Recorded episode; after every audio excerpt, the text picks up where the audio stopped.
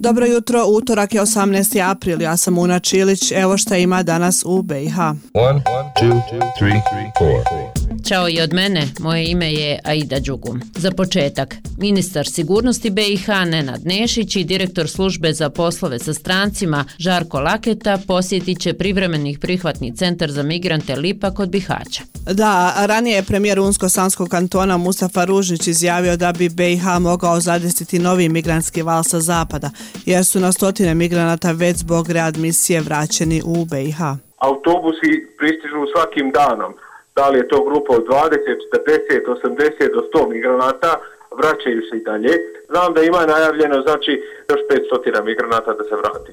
E da, Ružnić kaže da bi bilo fair da se migranti smjeste u prihvatne centre širom Bosne i Hercegovine, ali i da se readmisija jednako poštuje, kako sa Hrvatskom, tako i sa Srbijom i Crnom Gorom. Ima još i to, zaboravih reći, a najavljeno je. Dom naroda državnog parlamenta trebao bi razmatrati zakon o sigurnosti saobraćaja na BH putevima. E, a kad smo kod toga, znaš ti da je tokom protekle decenije u BiH u udesima stradalo više od 3000 ljudi, a iz Bihamka kažu da je u prošloj godini bilo više od 31.000 saobraćajnih nesreća. Jeste i da su 222 osobe poginule, strašno. Znam to. Ali ovdje je riječ o nečem drugom. Ovako, u BiH normalno na oba pisma i Čirilici i Latinici pišu imena gradova i mjesta, međutim, to nekome smeta i farba ih ne svugdje, ali se dešava. E, ovim novim zakonom će takvi plaćati kazne od 400 do 1000 km. Aha, a oni koji budu parkirali na mjesta za invalidne osobe plaćat će 200 km-ova. Pa bilo je i vrijeme. Završen je i sajam knjiga, 34. po redu. Učestvovalo je više od 120 izvođača iz BiH i regije, a dodijeljene su i nagrade u 18 kategorija. To je rekla članica stručnog žirija Tamara Sarajlić-Slavnić.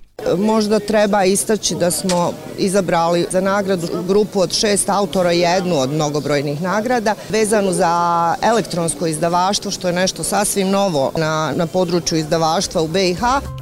Posebno priznanje za najbolju izložbu dobio je ured UNESCO-a u Bosni i Hercegovini za izložbu Stečci.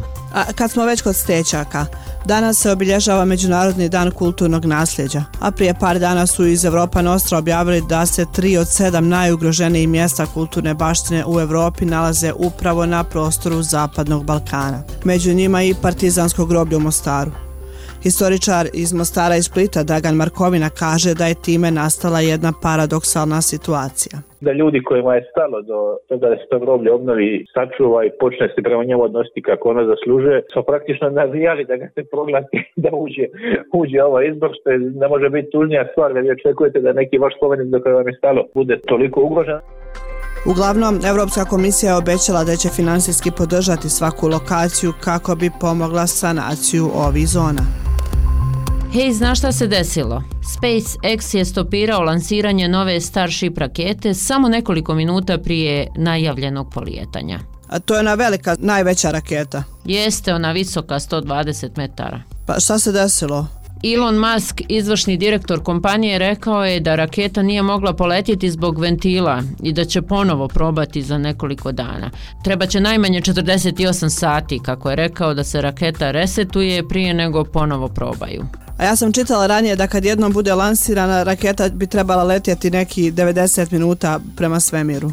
Pa super, ja im želim svu sreću, hajde mora malo ovim zemaljskim stvarima da se bavim, pa pozdravljam sve i tebe i slušatelje. Ćao, čao. Ćao.